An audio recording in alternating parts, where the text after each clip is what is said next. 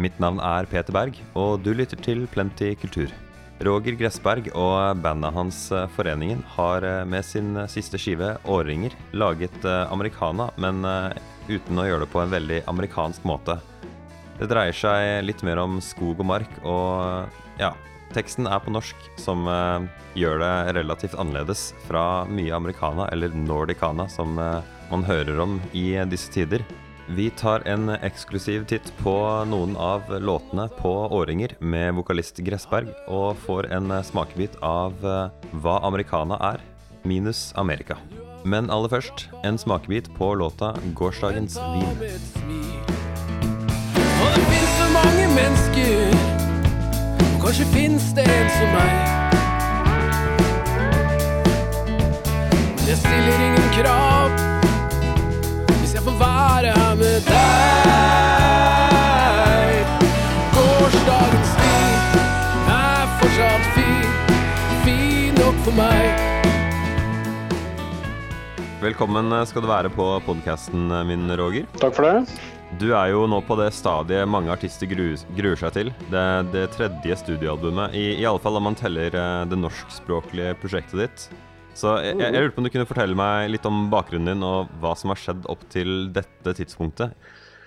Ja, det er jo ganske mye. Men uh, for å begynne med den nye plata, så var jo ikke det en vanskelig plate egentlig. Jeg drev og tulla med at det var den, var den lette tredjeplata. For den var litt sånn lettere i både innspillingsmetode og, og stil. Kanskje ikke innhold, men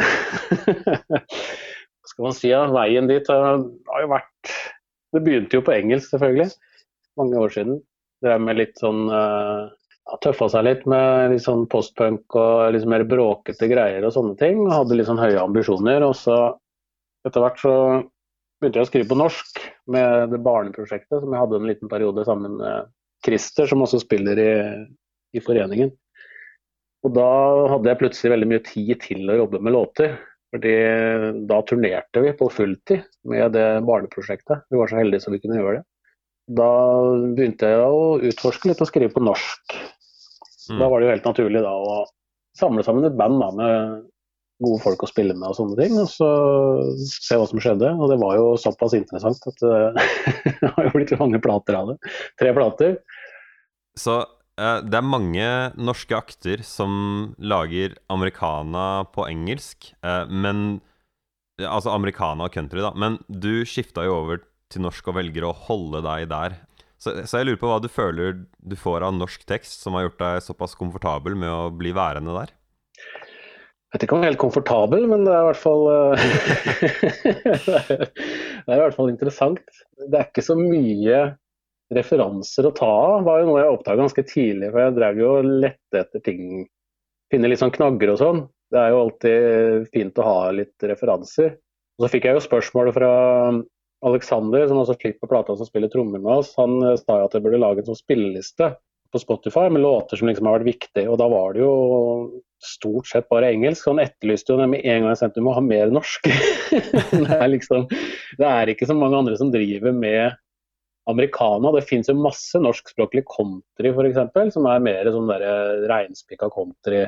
Bjøre Haaland liksom, og Terje Tysland og sånne ting. Liksom. Men det er ikke det jeg henter inspirasjon fra. Da.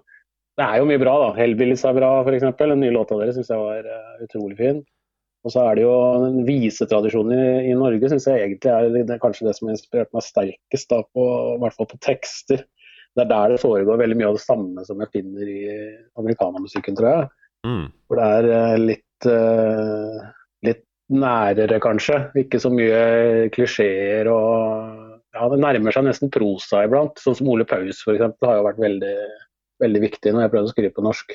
Han er liksom malen på hvor god det går an å bli, da. Syns jeg, da. Jeg skulle jo si at uh, jeg tenkte egentlig på liksom tekst og språk. For jeg, jeg, jeg føler liksom at uh, de tekstene du har, de fungerer på norsk, og jeg tror ikke de hadde vært Jeg, jeg tror ikke de hadde funka på engelsk, i hvert fall på den plata her. Nei, det tror ikke jeg faktisk. Alt går på kryss og tvers mot alle sangers siste vers.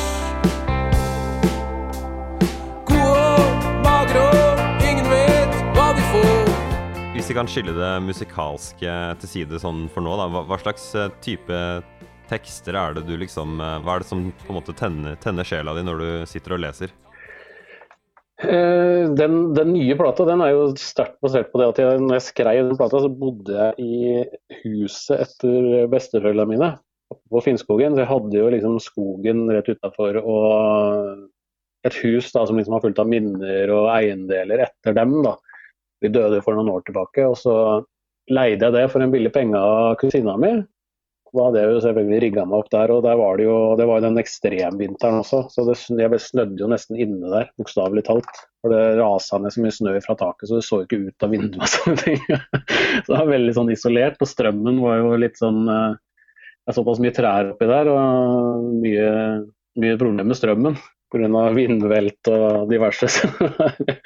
det var veldig sånn isolert. og det, Jeg syns den tittellåta på, på, plata var en sånn låt som uh, fanger veldig, veldig, det å sitte i det huset da, og liksom se riper i veggen som jeg skriver om, og liksom se liksom hele kretsløpet da, både med i huset og liksom naturen rundt. og Vi gikk jo veldig mye turer der oppe og sånne ting også.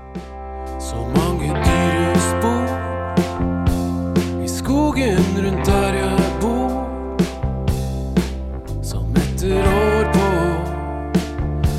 lage stier der de alltid går Det var veldig, veldig mye å hente der, da, syns jeg. Og det tente meg ganske mye. Og så sto det jo selvfølgelig en boksamling etter eh, bestefaren min der også, som var ganske interessant. Hvor det var mye sånn jaktlitteratur.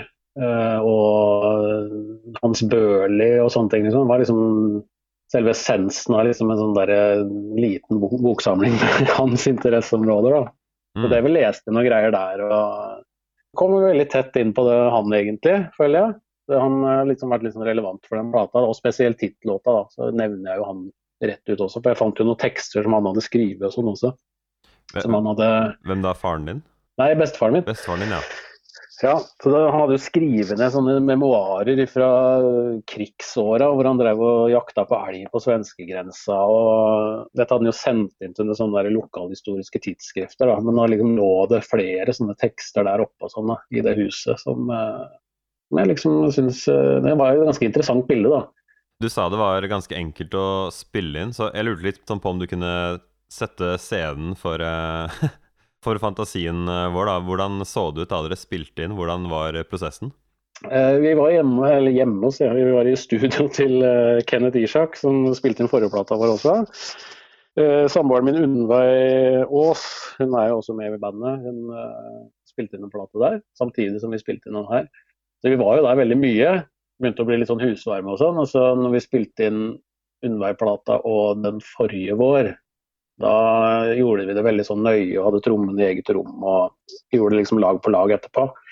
Men nå bestemte vi oss nå skal vi stå i samme rom og så skal vi spille inn alt ganske kjapt. Så vi tok vel ca. åtte timer tror jeg, å spille inn alt kompet på hele plata. Da er du nede i Beatles-tider?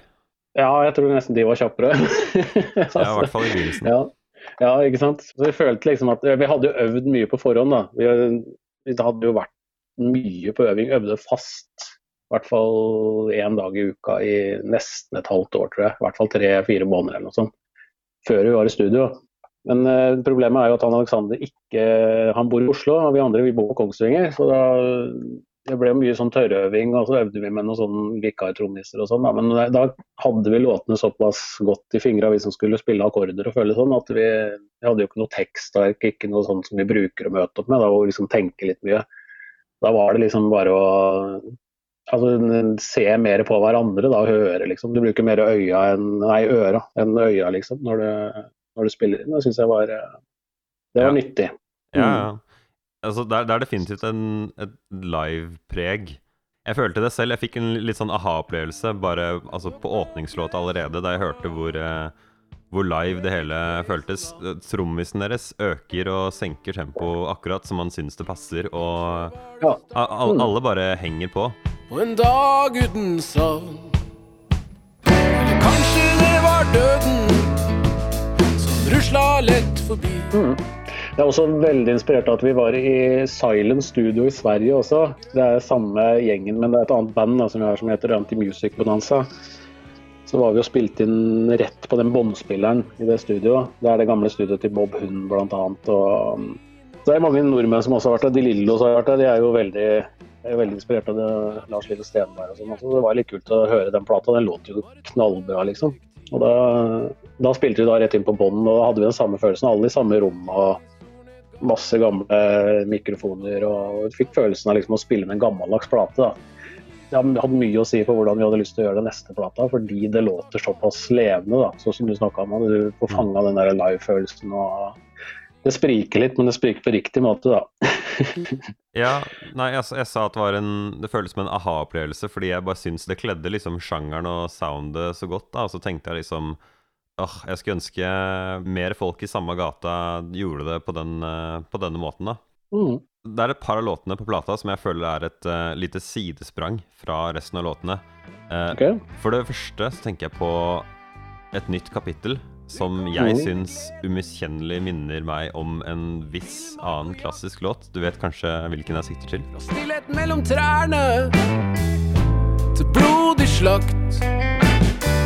Men jeg vandrer uten mening, uten retning oh, Nei, jeg tør ikke å gjette. jeg, kan, jeg, kan, gi deg et hint. Hvis jeg hadde ja. spilt av et klipp av den låta på den podkasten her, og mm. det ble veldig kjent, så hadde etterlevningen av den artisten kommet og saksøkt meg. ok. Det er altså Marvin Gaye og Let's Get It On. Ok, ja. Den har den mm. der, det er den trommebiten med de der gitarlikkene som, eh, Stemmer det. som mm. ligger der. Mening, uten retning, bare går for å gå. Ja, det har jeg faktisk uh, ikke tenkt. Nei. Nei, okay, for det skal jeg spørre om. Ikke bevisst.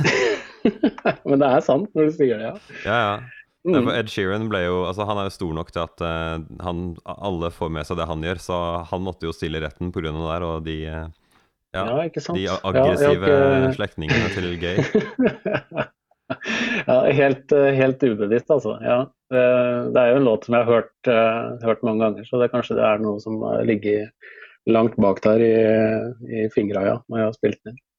jeg skal jo si det veldig klart. Jeg syns jo det er uh, nitrist at uh, man på en måte får lovlig hold for uh, å lage noe som på en måte bruker en trommegroove med en gitarlik Det er liksom ikke der hele låta ja. ligger, fordi jeg vil jo si ingenting av sjela i din låt og Marvin Gaye sin låt er felles i det hele tatt, så Nei.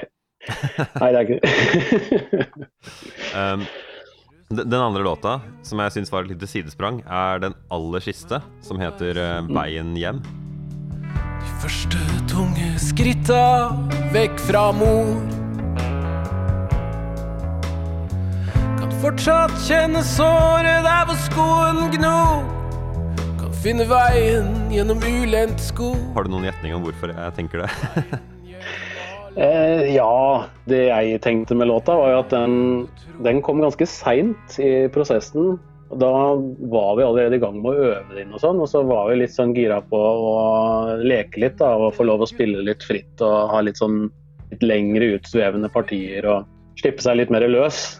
Og det hører du jo på skiva at det Vi drev mye på øvingslokalet. Det finnes noen forferdelige øvingsopptak, eller ikke forferdelige, men veldig lange øvingsopptak hvor vi driver og leiter etter eh, hvor vi skal med den låta. da. Det er liksom bestemt at det skal være det rockepartiet i midten, og vi skal ha den jammen på slutten. Så vi tenkte jo litt sånn Grateful Dead, egentlig. Så Gitarskalaen og sånn er jo sånn typisk sånn Grateful Dead-greie. Og Det var sånn som dukka opp. Den var ikke sånn opprinnelig, men når vi spilte den på øving, så var det sånn ok, det her kan vi jo holde på med i i hvert fall 20 minutter til. Fordi det låter så fint, da. Og det er så gøy å spille, liksom. Jeg tror det jeg tenkte på Jeg hadde ikke noen veldig god referanse, egentlig. Jeg kjenner ikke eh, noe spesielt til uh, Grateful Dead. Men det, det, jeg liksom hørte, da, var den bassgitaren. Og den syns jeg liksom Jeg syns bassisten deres, han spiller helt vanvittig kult, egentlig. Og ja. ikke bare syns jeg liksom han spiller liksom kule Altså han velger kule noter og har en kul groove, men du hører også flere steder i låta at han spiller faktisk eh, akkorder, som er litt sånn unormalt mm. for eh, bassister å være. Og her må jeg bare skyte inn fra sidelinja mens jeg redigerer. Akkorder er eh, når du spiller egentlig tre eller flere noter av gangen, men det jeg sikter til her, er altså at bassisten i stedet for å bare spille én og én tone, som er det mest normale, så tar han seg friheten til å faktisk spille to toner eller kanskje mer av gangen.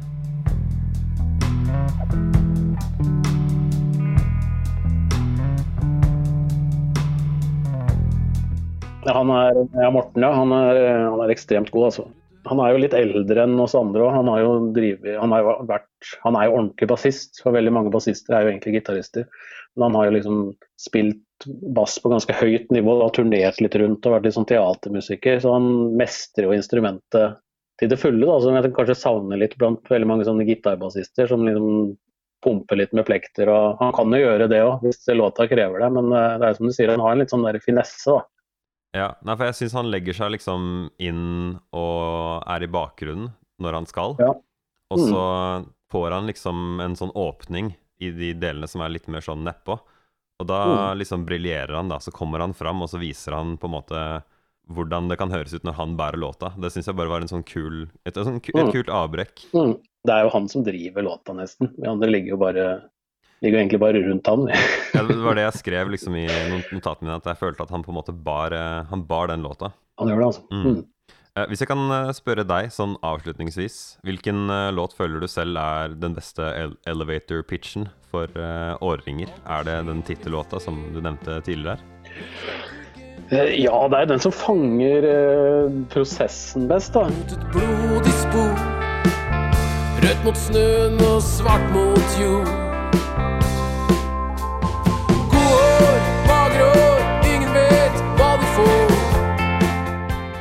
Selv om jeg bodde i det huset til, etter besteforeldrene mine, så er det ikke sånn at alle sangene handler om det. Men uh, det er tittellåta som måte fanger uh, den, det tankesettet jeg hadde da og sånne ting også. Mm. Så det er uten tvil den, altså. Men uh, den som jeg liker best på plata, sånn uh, låtskrivingsmessig og, og som jeg brukte lengst tid på, da. Den som liksom følte at ok, nå er jeg skikkelig inne på et eller annet, det er jo den rastløse låta. Den syns jeg den ble ganske bra. Orker ikke lese. Jeg vil ikke snakke med deg gjennom en PC. Alt jeg vil er å ringe deg før sola renner inn. Så mange tanker i et rastløst sinn. Å, jeg har et rastløst da var jeg ganske fornøyd òg. For det, tok, det var ganske mange runder før den satt, for da hadde jeg refrenget, tror jeg. Og så var det Jeg vet ikke helt om dette her er innafor. Det blir litt, litt for klissete, da. Egentlig. Men den synes jeg den ble veldig fin, og bandet spiller jo veldig på den også på innspillinga. Så vi klarte liksom å få formidla et eller annet med den, da. Det var en uh, artist jeg følger på Instagram som uh, sa liksom i en sånn uh, story nylig at han holdt på med en julelåt. Og så oppdaga han at dette var i ferd med å bli cheesy, og så sa han at enten må jeg gå full cheese, eller så må jeg holde meg helt unna. Og så valgte Ja. han å gå helt inn, og så tenker jeg hvis du føler det er noe kliss, så kan man liksom ikke på en måte prøve å skjule det. Da må det få lov til å være kliss. Mm. ja, ikke sant. Ja, jeg tar den jo helt ut på den, syns jeg, da. Men, men det er sånn man må gjøre iblant. Det var ikke det ordet jeg tenkte på da jeg hørte den, men eh, ja, jeg, skal, jeg får høre, høre igjen og tenke på det. ja. ja. Vi gjør denne podkasten hver uke, og du kan eh, enkelt abonnere på oss der det er eh, du abonnerer på podcaster, f.eks. i Spotify eller eh, Apple Podcasts-appen. Du søker eh, ganske enkelt på Plenty Kultur. PLNTY Kultur. Neste ukes gjest er eh, Kaja Bremnes.